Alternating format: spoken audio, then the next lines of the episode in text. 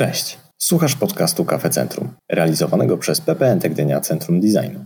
To właśnie tu masz szansę spotkać autorytety branży kreatywnej, posłuchać inspirujących rozmów i zdobyć wiedzę z zakresu projektowania i biznesu.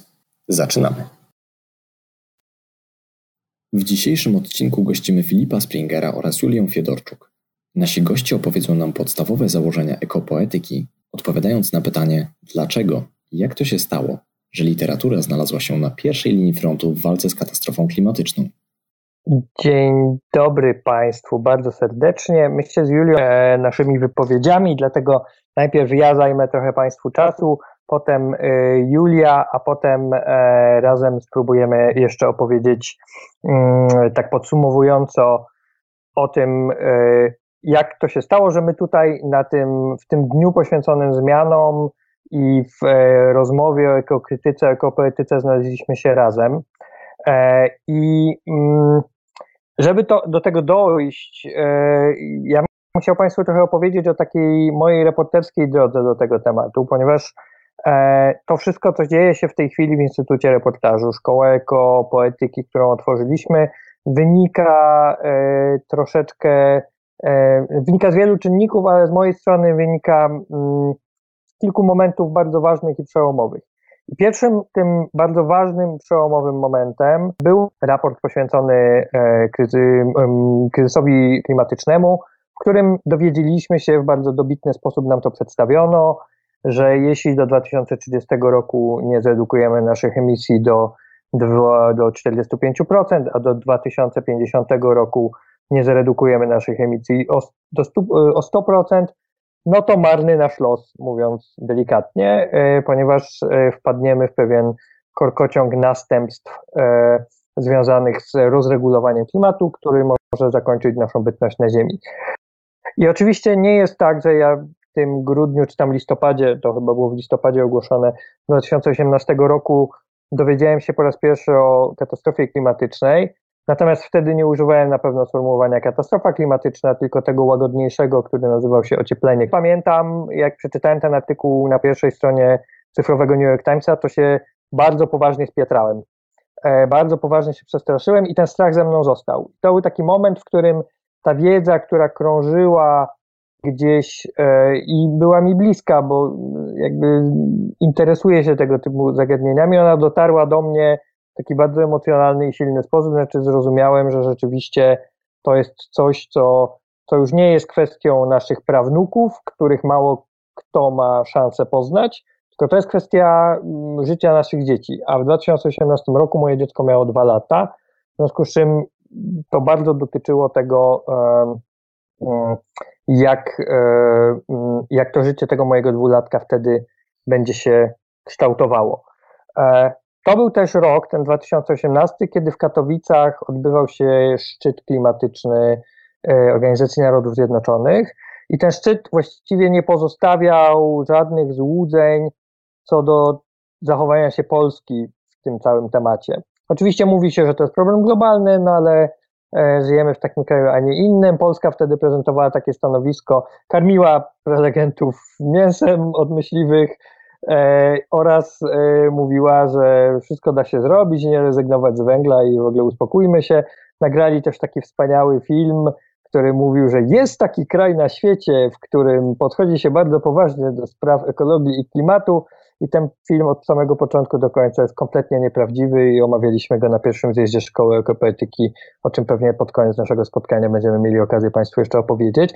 Natomiast ten szczyt to był taki tak jak e, ten raport IPCC to, to było takie uderzenie w twarz, to szczyt e, w Katowicach był jeszcze takim dodatkowym kopniakiem w brzuch, że człowiek mógł się zwinąć w kłębek i pogrążyć się w depresji. I ja rzeczywiście coś takiego przeżyłem, o tym zresztą pisze i mówi bardzo często Magdalena Budziszewska z Uniwersytetu Warszawskiego, że bardzo wiele osób po tym, e, po tej końcówce 2018 roku no, przeżyło coś, co ona nazywa depresją klimatyczną, czy lękiem klimatycznym i no i ja miałem kilka takich miesięcy, kiedy literalnie nie spałem w nocy, bo się martwiłem losem świata.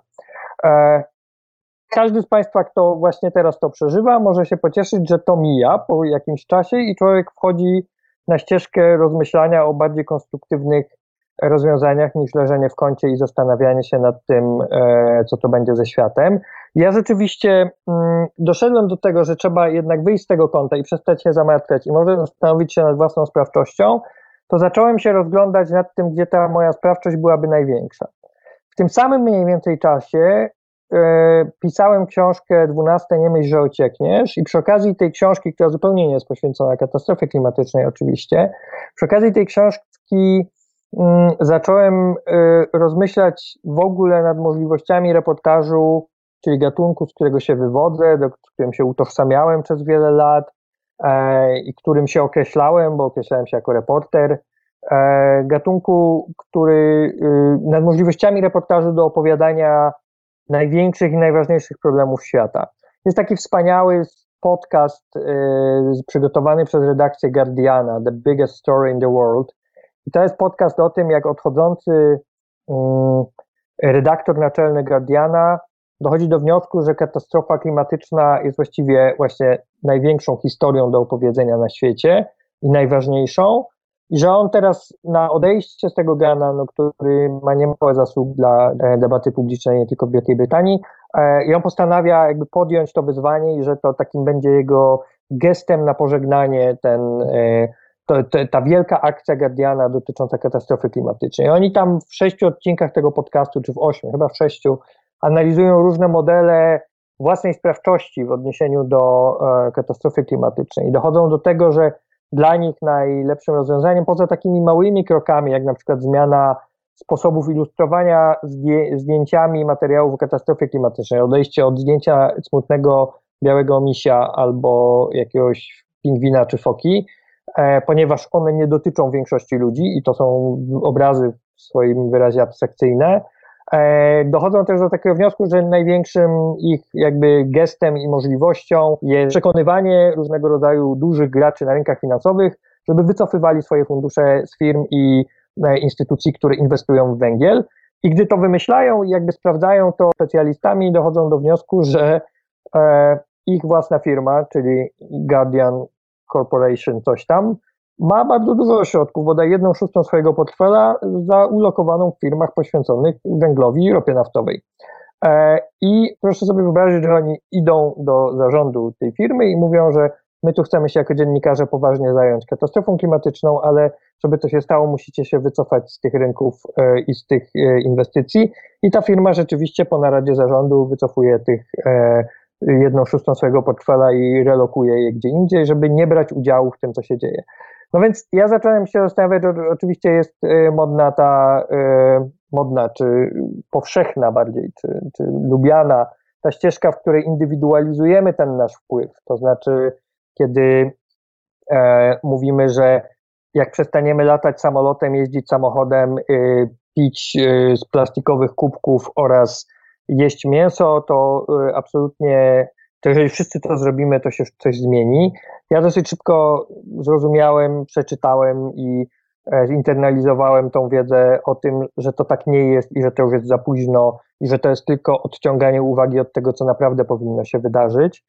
E, no ale jak zacząłem badać tą swoją sprawczość względem, mm, względem katastrofy klimatycznej, o której się dowiedziałem w tym 2018, o której się przestraszyłem szczerze w 2018 roku, to szedłem do wniosku, że ten mój osobisty gatunek, z którego ja się wywodzę, czyli reportaż, chyba jest do tego niezdolny, e, ponieważ ten reportaż, zwłaszcza w polskim wydaniu, on się nie zmienił od lat 90. On cały czas operuje tymi samymi sposobami opowiadania, konstruowania opowieści, podejścia do bohatera, podejścia do szczegółu, opisu rzeczywistości. E, jak robił to w latach 90., a od lat 90. cały świat się zmienił. Pojawiły się zupełnie nowe wyzwania i coś bardzo y, chyba niedobrego się dzieje, jeśli ten gatunek w ogóle nad tym nie reflektuje, a moim zdaniem jednak nie reflektuje. E, I w tym samym mniej więcej czasie przeczytałem taką myśl, która się pojawia w różnych wydaniach e, i padała z różnych ust na przestrzeni ostatnich lat, że kryzys klimatyczny to jest kryzys wyobraźni. I to rzeczywiście bardzo do mnie trafiło, bo ja zrozumiałem, że y, to rzeczywiście jest tak, że my mamy w ręku wszystkie narzędzia technologiczne do tego, żeby poradzić sobie z kryzysem ekologicznym, kryzysem klimatycznym, natomiast nie wyobrażamy sobie świata, chociaż po pandemii może wyobrażamy sobie go jakoś bardziej, bo kilka rzeczy się wydarzyło, które do tej pory uważaliśmy za niemożliwe. Nie wyobrażamy sobie świata, w którym aplikujemy te narzędzia do rzeczywistości i jakby umożliwiamy im działanie i redukujemy te emisje i przestajemy e, nadmiernie eksploatować planetę i dzięki temu unikamy tego, co najgorsze, bo tego, że nie unikniemy złego, to już raczej dzisiaj wiemy. E, I jak jakby dotarło do mnie to hasło, że kryzys klimatyczny to kryzys wyobraźni, to dotarła do mnie też bezużyteczność myślenia w kategoriach gatunku, ale też dotarła do mnie to, co z mojej perspektywy pisarza jest w całej tej sytuacji najbardziej kuszące i interesujące. To znaczy, że literatura znalazła się tak naprawdę na pierwszej linii frontu w walce y, z y, rozpędzoną katastrofą ekologiczną. To znaczy, że dopiero literatura, stwarzając nowe pola wyobraźni, eksploatując tę wyobraźnię na różne sposoby, pozwala nam pomyśleć i wypowiedzieć różne rzeczy, które bazują na założeniu, że da się w nieskończoność osiągać wzrost w oparciu o skończone zasoby. Już nawet mój dzisiaj czterolatek wie, że jak ma 100 klocków, to wybuduje z niej tylko wieżę, która składa się z sumy najdłuższych boków tych klocków i wyżej się nie da. I ona będzie bardzo niestabilna w dodatku.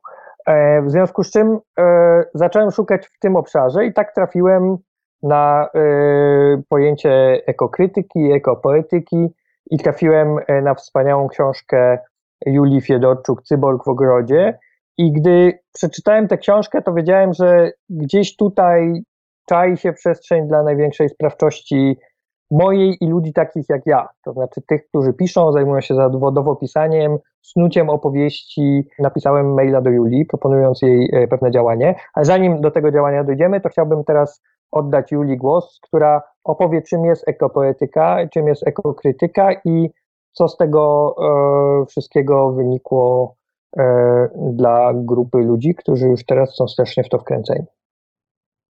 Julia, teraz ty. Dzień dobry, jeszcze raz. Opowiem trochę o ekokrytyce, ekopoetyce i kryzysie wyobraźni, o którym już Filip zaczął mówić e, przed momentem. Ekokrytyka to jest taki e, dział literaturoznawstwa, czy taki, taki właściwie nowy rodzaj humanistyki, który bardzo rośnie w siłę w ostatnich latach, wybijający na pierwszy plan kwestie relacji pomiędzy ludźmi a tak zwaną naturą. E, to jest dla mnie pojęcie trochę problematyczne, e, ale nie będę może w tej chwili wchodziła w, w takie szczegóły. Będzie jeszcze e, pod koniec tej naszej rozmowy czas na, na to, żeby wrócić do, do, do kwestii natury. Więc ekokrytyka wybija na pierwszy plan kwestie relacji pomiędzy ludźmi a ich środowiskami, środowiskiem naturalnym, środowiskiem też e, przetworzonym przez człowieka. E, I właśnie tym tematem zajmuję się, przyglądając się tekstom literackim, ale także innym tekstom kultury. Ja akurat jestem literaturoznawczynią i sama też jestem E, pisarką, jestem poetką, więc mnie interesują przede wszystkim teksty literackie i e, może zwłaszcza poezja, i, i, i tam szukam ciekawych strategii, E, tam szukam e, nowych metafor, tam szukam nowych sposobów mówienia o miejscu człowieka w pozaludzkiej przyrodzie, o tym, kim właściwie jesteśmy, o tym, jaka jest nasza rola na Ziemi i e, w jaki sposób moglibyśmy sobie wyobrazić nasze współdziałania z innymi istotami na Ziemi tak, żeby nasza tutaj obecność nie była tak straszliwie destrukcyjna dla całej planety, dla nas samych i, i dla innych organizmów. Czyli podsumowując, ekokrytyka to jest e, dział humanistyki zajmujący się, czy wybijający na pierwszy plan e, kwestię tego, że ludzie mm, nie żyją tylko między ludźmi, e, ale że ludzie żyją również w świecie materialnym, w świecie tak zwanej przyrody, że, życie równie, że ludzie również są częścią natury i, i częścią kosmosu. Podstawowym założeniem ekokrytyki, to już Filip mówił o tym, jest taka myśl, że, że kryzys, ten kryzys planetarny, czy katastrofa planetarna, bo chyba tak powinniśmy mówić o, o naszej aktualnej sytuacji, jest w jakiejś mierze, a być może w największej mierze, kryzysem wyobraźni. No bo e, fakt jest taki, e, i to rzeczywiście e, warto sobie zdać z tego sprawę, że wszystkie techniczne problemy jesteśmy w stanie rozwiązać. To znaczy, technicznie rzecz biorąc, jeżeli chodzi o wiedzę czy technologię, absolutnie mamy narzędzia wystarczające do tego, żeby tę katastrofę w jakiś sposób złagodzić, żeby przygotować się na jej skutki, żeby ją być może w jakimś stopniu nawet odwrócić e, i pozwolić e, e, dzikiej przyrodzie na Ziemi zregenerować się w taki sposób, żeby te systemy podtrzymujące życie na Ziemi, w tym nasze życie, wróciły do jako takiej równowagi. Więc tak naprawdę wszystkie te narzędzia techniczne mamy, a z jakiegoś powodu nasza cywilizacja nie korzysta z tych narzędzi. Tak? Z jakiegoś powodu E, nie, nie sięgamy po, po, po te rozwiązania, które tak naprawdę mamy na wyciągnięcie ręki. I dlatego e, myśliciele z, z różnych dyscyplin, e, naukowcy, klimatolodzy, psychologowie, filozofowie, ale też artyści, e, w tym także pisarze i poeci, coraz częściej mówią o tym, że, że ta katastrofa to jest, to jest katastrofa wyobraźni. Także chodzi o to, że z jakiegoś powodu, po pierwsze, my y, mamy taki problem, że jesteśmy kompletnie odklejeni od rzeczywistości. Tak? To jest coś, co, y, co ludzie teraz coraz częściej czują. Y, taki rodzaj odrealnienia, brak kontaktu z rzeczywistością własnego życia, ale też brak kontaktu z rzeczywistością tej katastrofy po prostu, bo, bo tak naprawdę no, do momentu, kiedy zaczęła się pandemia, nasz sposób funkcjonowania, no to wszyscy żyli w, w jakimś takim pędzie, w przekonaniu, że, że można e, stawiać na coraz większy wzrost gospodarczy i konsumować coraz więcej i tak dalej, i tak dalej. I tak jakby teoretycznie wiemy, że jest jakiś problem z klimatem, ale tak naprawdę nie wiemy tego, czy tak naprawdę nie wierzymy w to na jakimś takim głębokim, emocjonalno duchowym poziomie nie przyjmujemy tej wiedzy do wiadomości, nie przyjmujemy do wiadomości faktu, że no, jesteśmy częścią tej katastrofy, także ta katastrofa się, się wydarza. Więc to jest, tu jest, tu się coś dzieje ciekawego, gdzie sztuka, także literatura ma duże pole do popisu. E, kolejna, kolejna kwestia związana z wyobraźnią to jest brak wizji, alternatywnej, alternatywnej wizji rzeczywistości. Tak? To często też y, odnotowujemy, że z jakiegoś powodu łatwiej, łatwiej jest nam wyobrazić sobie koniec świata, apokalipsę, tak, zagładę i e, tak. kultury, przede wszystkim kultury popularnej, ten motyw zagłady, apokalipsy często dosyć, często dosyć się pojawia, a stosunkowo rzadko pojawia się wizja e, jakiejś e, alternatywnej rzeczywistości, w której nie ma tej apokalipsy, tak, w której rozwiązaliśmy ten problem, który w tej chwili mamy, w której e, zapobiegliśmy katastrofie, w której zaczęliśmy przeciwdziałać nierównościom społecznym dramatycznym pomiędzy ludźmi e, i e, przejęliśmy się szóstym wielkim wymieraniem gatunków. Tak? Mówi się, że gatunki zwierząt i roślin wymierają tysiąc razy szybciej niż miałoby to miejsce, niż to miało miejsce przed antropocenem, czyli tą epoką, w której, w której żyjemy w tej chwili. Więc to jest drugi problem. Drugi problem to jest ten brak alternatywnej wizji. A trzeci problem, który jest ważny z, z naszego punktu widzenia, z punktu widzenia ekopoetyki, o której, o której za chwilę opowiem więcej, e, to jest problem nieadekwatnych sposobów mówienia. I tutaj ja już zająknęłam się na tym słowie natura, mm, bo ta para pojęć natura i kultura to jest e, część problemu. E, używamy tego słowa natura kompletnie bezrefleksyjnie. Mówimy, o, kochamy naturę, albo wyjeżdżamy na łono natury, albo e, chcielibyśmy wrócić do natury, albo chcielibyśmy coś tam robić naturalnie. I tak naprawdę w, tym, w tych sposobach mówienia, które przeciwstawiają sobie kulturę i naturę, na przykład, jest dużo jakiegoś takiego bezrefleksyjnego powtarzania klisz, bezrefleksyjnego trzymania się kategorii, które ukształtowały się wraz z rewolucją przemysłową, wraz z postępem technologicznym, który jest z jednej strony absolutnie wspaniały i dał nam wygodne życie i dłuższe życie i tak dalej, i tak dalej, ale z drugiej strony jednak doprowadził do dużej alienacji ludzi ze środowiska naturalnego. Więc te nieadekwatne sposoby mówienia, to, że powtarzamy y, klisze, to, że powtarzamy y, takie hasła, które nas, ludzi, stawiają w centrum świata, które całą resztę y, życia istniejącego na tej planecie traktują jako zasoby naturalne, tak, z których po prostu możemy sobie brać i brać i brać. Te sposoby mówienia też są w jakimś sensie odpowiedzialne, czy przyczyniają się do, składają się na, na ten kryzys wyobraźni, o którym, o którym mówimy. I w jaki sposób odnieść się do tego kryzysu wyobraźni?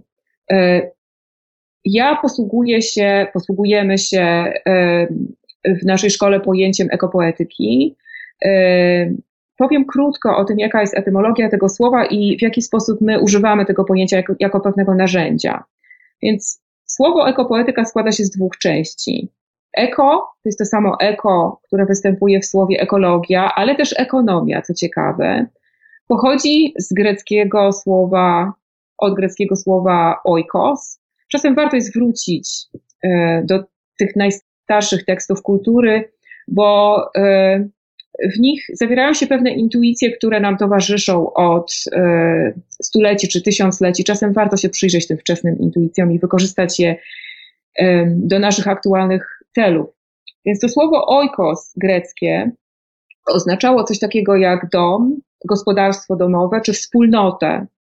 E, z kolei słowo poetyka, poezis w starożytnym greckim oznaczało tworzenie, budowanie, tworzenie czegoś z gotowych elementów, tak? czyli przetwarzanie, przetwarzanie tego, co już, co już istnieje, tworzenie jakiejś całości z, z istniejących już elementów na takiej samej, na takiej zasadzie, na jakiej tworzy rzemieślnik albo budowniczy. E, od tego słowa pochodzi również słowo poeta.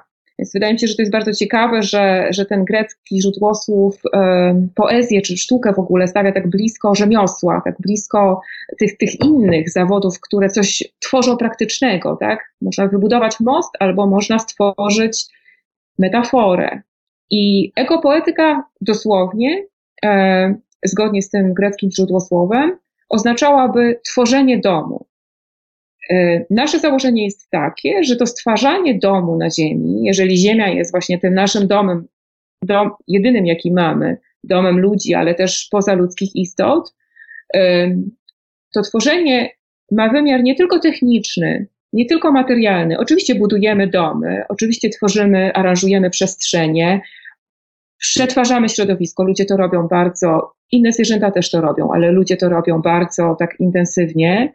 E, ale to tworzenie domu tak naprawdę odbywa się również w wymiarze opowieści, w wymiarze metafory, czyli w tym wymiarze bardziej psychologicznym czy wręcz duchowym. I teraz nasze założenie jest takie, że jeżeli my, również jako pisarze, e, chcemy w jakiś sposób przyczynić się do zażegnania tej katastrofy planetarnej, to musimy pracować w tej przestrzeni, w której tak czy inaczej pracujemy, a pracujemy właśnie w przestrzeni metafory i opowieści. I główne założenie naszej szkoły jest takie, że zabierzemy się do e, tego problemu właśnie od strony wyobraźni i że będziemy szukać sposobów na pracę z wyobraźnią, że będziemy szukać sposobów na ćwiczenie wyobraźni tak, aby móc przyczynić się do budowania tego domu, tego naszego ojkosu ziemskiego na innych zasadach niż miało to miejsce przynajmniej przez ostatnie 200 lat, które, jak wiemy, doprowadziły do tak skrajnych nadużyć, y, jeśli chodzi o, o, o możliwości y, systemów podtrzymujących życie na Ziemi. I teraz może opowiemy trochę o założeniach szkoły. Oddam głos Filipowi najpierw. E, tak. I postanowiliśmy tak naprawdę stworzyć narzędzie. ponieważ Szkoła Ekopoetyki, której pierwszy zjazd odbył się 19, od 19 do 21 czerwca, to jest takie narzędzie, w którym my e, wierzymy w to głęboko, realizujemy naszą i ludzi, którzy są zaangażowani w tę szkołę, sprawczość w, w temacie katastrofy ekologicznej. Ponieważ mm, szkoła ma uczyć e, ekopoetyki, ma wypracowywać nowe obszary dla wyobraźni i eksplorować, natomiast ma też być przedsięwzięciem, które wprowadzi do debaty publicznej tę ekokrytyczną perspektywę i e, pozwoli opowiadać historie, które są wypracowane w ramach e, tej szkoły. To znaczy, my przyjmując ludzi, robiąc nabór do szkoły, e, który zaczął się no właściwie na kilka tygodni przed rozpoczęciem się pandemii, to było niezwykle sympatyczne. Kierowaliśmy się tym, że ludzie, którzy do szkoły przyjdą, muszą przede wszystkim już umieć pisać, po drugie, muszą mieć wyrobione ścieżki, drogi i miejsca w swoich e, obszarach zainteresowań, swoich e, nutach pisarskich, żeby mogli natychmiast po tym, jak, albo jeszcze w czasie szkoły, e, mogli od razu przekładać tą refleksję na, e, na swoje pisanie, ponieważ my traktujemy tę szkołę nie tylko w kategoriach projektu edukacyjnego, w którym nauczymy różnych ludzi różnych sposobów i różnego, nowego sposobu myślenia, różnych, różnych sposobów pisania, ale też nowego sposobu myślenia, ale traktujemy tę szkołę w kategoriach aktywistycznych, to znaczy w takich, w których my chcemy oddziaływać na rzeczywistość e, i chcemy e, tą rzeczywistość zmieniać. I traktujemy tę szkołę w kategoriach formy otwartej, to jest to pojęcie, które e, którego, do którego ja mm, przykleiłem się wraz z pisaniem o Zofii Oskarze Hansenach, czyli wspaniałych architektach, o których notabene w ramach Gdynia Design Days miałem kiedyś okazję Państwu opowiadać w Gdyni w czasie jednego ze spotkań. I mm, forma otwarta tej szkoły oznacza, że właściwie wszyscy jej uczestnicy wnoszą do tej szkoły e, konkretne umiejętności i wzbogacają tę szkołę umiejętności. My już po pierwszym zjeździe widzimy, że tak właśnie się dzieje. Dlatego bardzo y, chcielibyśmy, aby Państwo y, też zakładamy, że taka jest intencja organizatorów zapraszających nas y, na to spotkanie dzisiaj, żeby traktować to, tą szkołę w kategoriach narzędzia zmieniającego rzeczywistość, a tym się przecież bardzo często projektanci zajmują. E, I tak też myśleliśmy o programie tej szkoły, o, której teraz, o którym teraz Państwu będziemy chcieli trochę opowiedzieć. E, Julia od strony merytorycznej, bo ja cały czas się traktuję w tej szkole jako student, a nie jako wykładowca, a ja trochę dopowiem e, to, jak ta szkoła wygląda od strony organizacji i form, jakie przyjęliśmy i czy pandemia zmieniła nam mm, nasze założenia, bo e, bardzo też wierzymy w to, że nie tylko to, czego uczymy, ale jak uczymy, będzie miało przełożenie na rzeczywistość. Więc teraz znowu oddaję Julii głos, żeby opowiedziała trochę merytorycznie o tym, jak poprowadzona jest ścieżka e, studentów, ale też nas, wykładowców, was, wykładowców, a mnie takiego pomiędzy. E, w tej szkole będę dopowiadał troszeczkę o tym, jak to formalnie jest zorganizowane. Właśnie, więc e, ekopoetyka, jak Filip powiedział, jest narzędziem. Ja bym powiedziała, że to jest pewnego rodzaju przestrzeń namysłu, ale też eksperymentu, tak? bo tutaj kluczowa jest ta kwestia połączenia działania w sferze myśli czy w sferze twórczości artystycznej z działaniem w sferze faktycznej ingerencji w materialną rzeczywistość. Tak? To też jest coś, co mm, dla mnie osobiście jest ważne jako akademiczki, jako, jako dla pisarki, poetki oczywiście też, y, y, ale też jako akademiczki, czyli kogoś, kto po prostu dużo myśli, e, dla mnie e, ważne jest bardzo e, pytanie o to, w jaki sposób nasze myślenie przekłada się na możliwość jakiejś materialnej interwencji w świecie. I ta szkoła to też z mojej perspektywy jest szukanie nowych form dydaktyki, nastawionych na to, żeby wiedza nie była po prostu abstrakcyjnym materiałem, który się przekazuje z głowy do głowy, ale żeby była czymś, co się wspólnie wypracowuje i co się jednocześnie, czego się w jakimś sensie doświadcza, czego się w jakimś sensie doświadcza, co staje się pewnego rodzaju praktyką, więc też mogłabym powiedzieć, że ekopoetyka to jest, to jest pewnego rodzaju praktyka.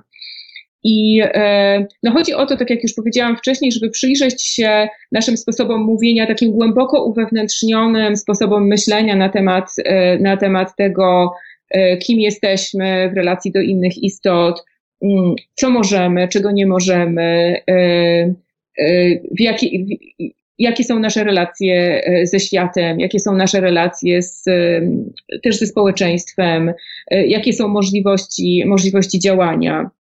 I żeby przyjrzeć się tym rzeczom, zaczęliśmy od na pierwszym zjeździe od przyjrzenia się metaforze. Po prostu metafora to jest takie bardzo mocne narzędzie my nawet mówimy, że to jest, e, że to jest e, pewien rodzaj technologii, e, którą, którą mamy na, na swój użytek. To jest narzędzie kształtowania świata w sferze właśnie wyobraźni, tak, czy w sferze, w tej sferze duchowej, ale myli się ktoś, kto powiedziałby, że, że mm, te metafory, którymi się posługujemy, są tylko takimi ozdobnikami taką posypką jakby na torcie rzeczywistości, że użyję takiej barwnej metafory tutaj, bo tak naprawdę metafory bardzo często ustawiają nas e, w sposób, z którego sobie e, niekoniecznie zdajemy sprawę względem świata. I teraz te metafory, którymi myśmy nasiąkli jako ludzie Zachodu, e, które bardzo często uprzedmiotowi, uprzedmiotowa, uprzedmiotowiają pozaludzką rzeczywistość, czy tą pozaludzką naturę, traktują ją jako przedmiot, jako coś, co jest nam podległe. E, my to wszystko, my to wszyscy mamy we krwi. Więc e, e, zaczęliśmy od tego, że przyjrzeliśmy się metaforze jako takiej, z różnych punktów widzenia. Z punktu widzenia poetyckiego, z punktu widzenia językoznawstwa, z punktu widzenia retoryki i czytaliśmy różne teksty literackie i naukowe, rozmawialiśmy, ćwiczyliśmy się w wypracowywaniu takich sposobów myślenia, e, które nie będą powtarzały tych naszych właśnie antropocentrycznych odruchów myślowych. E, I podczas kolejnych zjazdów będziemy przyglądać się takim bardzo głęboko obecnym w naszej kulturze mitom dotyczącym, doty, mitom dotyczącym właśnie pozaludzkiej natury. E, te mity, e, ja już trochę wspomniałam o tym, że mm, pewien element tego kryzysu wyobraźni dotyczy faktu, że chętnie wyobrażamy sobie zagładę czy apokalipsę, a jakoś trudno jest nam wymyślić sobie alternatywną rzeczywistość. E, więc pierwszy z tych mitów, którymi się zajmiemy, takich silnych mitów zachodniej kultury, to jest właśnie ten mit apokalipsy. E, następnie przyjrzymy się kolejno mitom postępu, bardzo silny mit też w kulturze Zachodu. E, przede wszystkim e, to jest mit, który dominuje naszą kulturę od początku rewolucji przemysłowej, ale, ale, ale wcześniej, wcześniej już też. I mitowi sielanki z kolei. To jest innego rodzaju mit, bo tak jak już wcześniej powiedziałam, kiedy czasami tak trochę bezrefleksyjnie mówimy o miłości do natury, no to zawsze myślimy o co, co to jest ta natura, no to e, myślimy, nie wiem, o czymś pięknym, o, myślimy o pięknych widokach, myślimy o, o czymś, co jest, nie wiem, nieskazitelne, e, gdzie można wyjechać i sobie, i sobie odpocząć, tak? A nigdy nie myślimy o e, takich aspektach natury, jak na przykład rozkład, tak, albo mikroorganizmy, albo owady, albo grzyby. Takie elementy natury, które są z punktu widzenia trwania życia na Ziemi dużo ważniejsze niż piękne pejzaże. No ale mamy gorszy dostęp do, do i w ogóle mniejszą wiedzę na te tematy, dlatego że tak naprawdę w tej powierzchownej miłości do natury jest bardzo dużo konsumpcjonizmu, jest bardzo dużo takiego znów egocentrycznego, antropocentrycznego e, i po prostu towarowego podejścia. Tak? My lubimy, kochamy naturę, kiedy ona jest towarem zaspokajającym nasze potrzeby. Czy są to potrzeby materialne, tak? tak zwane zasoby, które po prostu sobie bierzemy, bo wydaje nam się, że mamy do tego prawo i że one są nie, nie, niewyczerpywalne. Czy to nasze potrzeby estetyczne, tak? Czyli natura, potrzebujemy natury gdyż lubimy piękno, lubimy piękne pejzaże, albo potrzebujemy odpocząć. To też tak naprawdę jest myślenie o naturze w kategoriach jakiegoś ludzkiego, jakiejś ludzkiej potrzeby, czy jakiegoś ludzkiego um, roszczenia. Więc ten mit, sielan, mit sielanki, no to jest trzeci z tych mitów, którym, którym będziemy się przyglądać, on jakby tutaj y, będziemy się próbowali rozprawić właśnie z tym, z tym utożsamieniem natury, z, z, z tymi wizjami, które mamy, kiedy tak bardzo powierzchownie i bezrefleksyjnie mówimy o tym, że kochamy naturę, y, no a tak naprawdę okazuje się, że, że znów jesteśmy konsumentami.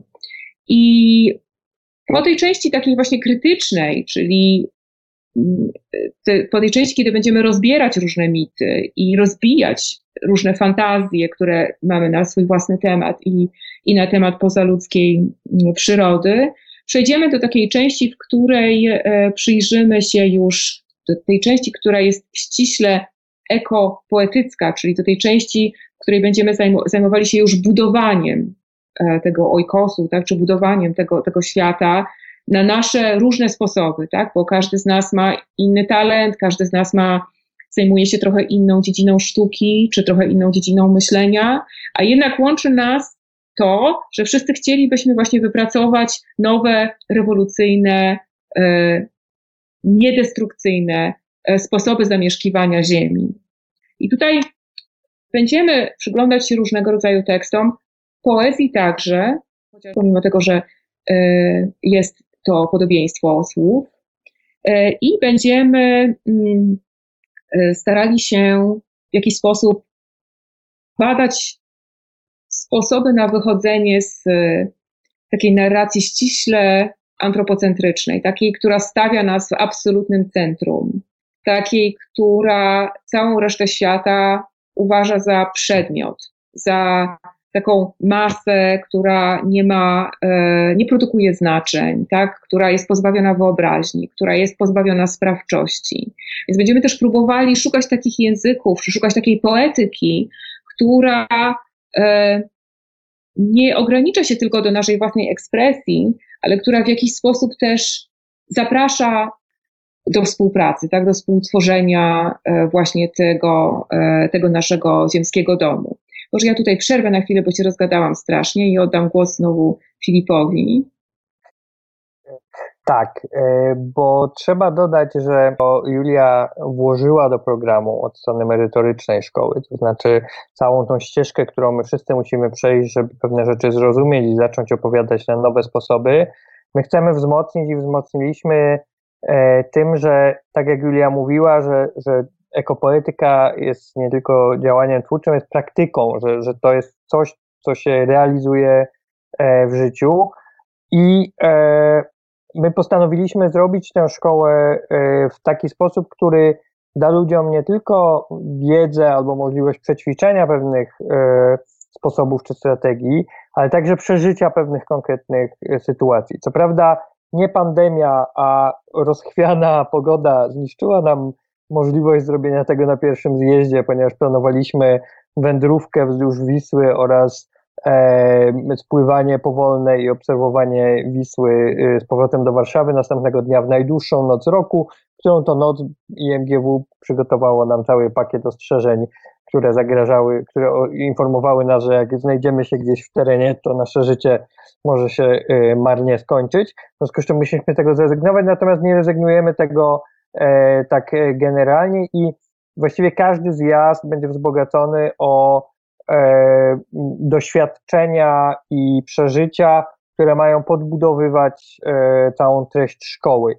I tak to wynika też z moich działań reporterskich, które podejmowałem wcześniej.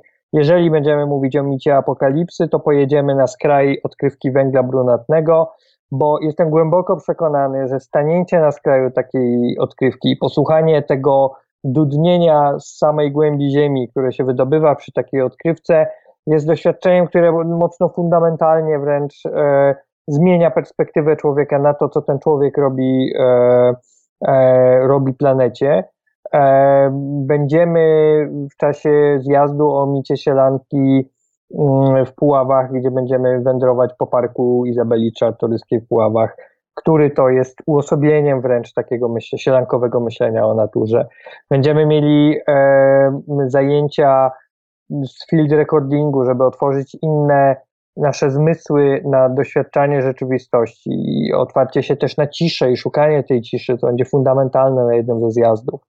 Będziemy mieli wędrówkę po Puszczy Białowieskiej, będziemy mieli różnego rodzaju e, aktywności, wędrówki, e, niezależnie od pogody, tak długo, jak długo oczywiście będzie to bezpieczne, które będą miały nasze pogłębić nasze fizyczne bycie. Dochodzimy do tego momentu, w którym myśmy sobie całą tę szkołę wymyśliliśmy, bardzo szczegółowo. E, mamy też e, osobę, która współpracuje z nami, jest instruktorką harcerską, jednocześnie jest zaangażowana i zawsze była w sprawy klimatu, która nam doradza, jakie formy e, do konkretnych treści dobrać, żeby to było jak najbardziej aktywne i najbardziej przez przeżycie, tak jak to harcerze robią. Ja byłem 25 lat harcerzem i wierzę, że ta metoda działa. No i przyszła pandemia, która spowodowała, że mnóstwo aktywności edukacyjnych przeniosła się do sieci. I to był taki moment, w którym my musieliśmy znowu podjąć bardzo ważną E, decyzję dotyczącą tego i ta prawdziwość tego przeżycia w materialnym świecie jest tak fundamentalnie ważna, że my pod żadnym pozorem nie, nie przeniesiemy jej do sieci. W związku z czym czekaliśmy właściwie do ostatniej chwili na możliwość uruchomienia tej szkoły realnie i ona się dzieje realnie i nie będzie się działa online. To znaczy, że szkoły ekopoetyki i e, zaproszenia ludzi do pisania o świecie, Y, w sposób, który uwzględnia ekokrytyczną perspektywę, nie da się zwirtualizować, tak jak harcerstwa się nie da zwirtualizować. I to był taki nasz fundament, którego bardzo się kurczowo trzymamy i mam nadzieję, że on nie legnie w gruzach wraz z kolejnymi e, nawrotami tej pandemii. E, natomiast to działanie, to bycie i nie zawsze bycie, które jest cały czas przesądzone przekazywaniem wiedzy, ale no, na najbliższym zjeździe pójdziemy oglądać Titanica i wiedzą tylko ci, którzy e, mieszkają w Koninie albo rejonie, co to znaczy oglądać Titanica. My będziemy szli, żeby tego Titanica w nocy oglądać, a następnego dnia rano będziemy słuchać o rybach, no nie mutantach, ale prawie że mutantach, czyli gigantycznych rybach, które w słodkich jeziorach podgrzewanych wodą z elektrowni osiągają jakieś monstrualne rozmiary. I to będą też doświadczenia, które będą budowały e, całe przeżycie tej szkoły. Dzięki wielkie. Dziękujemy, że byliście z nami. Na dziś to wszystko. Po więcej ciekawych treści zapraszamy na naszą stronę internetową www.centrumdesignu.gdynia.pl i media społecznościowe. Do usłyszenia w kolejnym odcinku.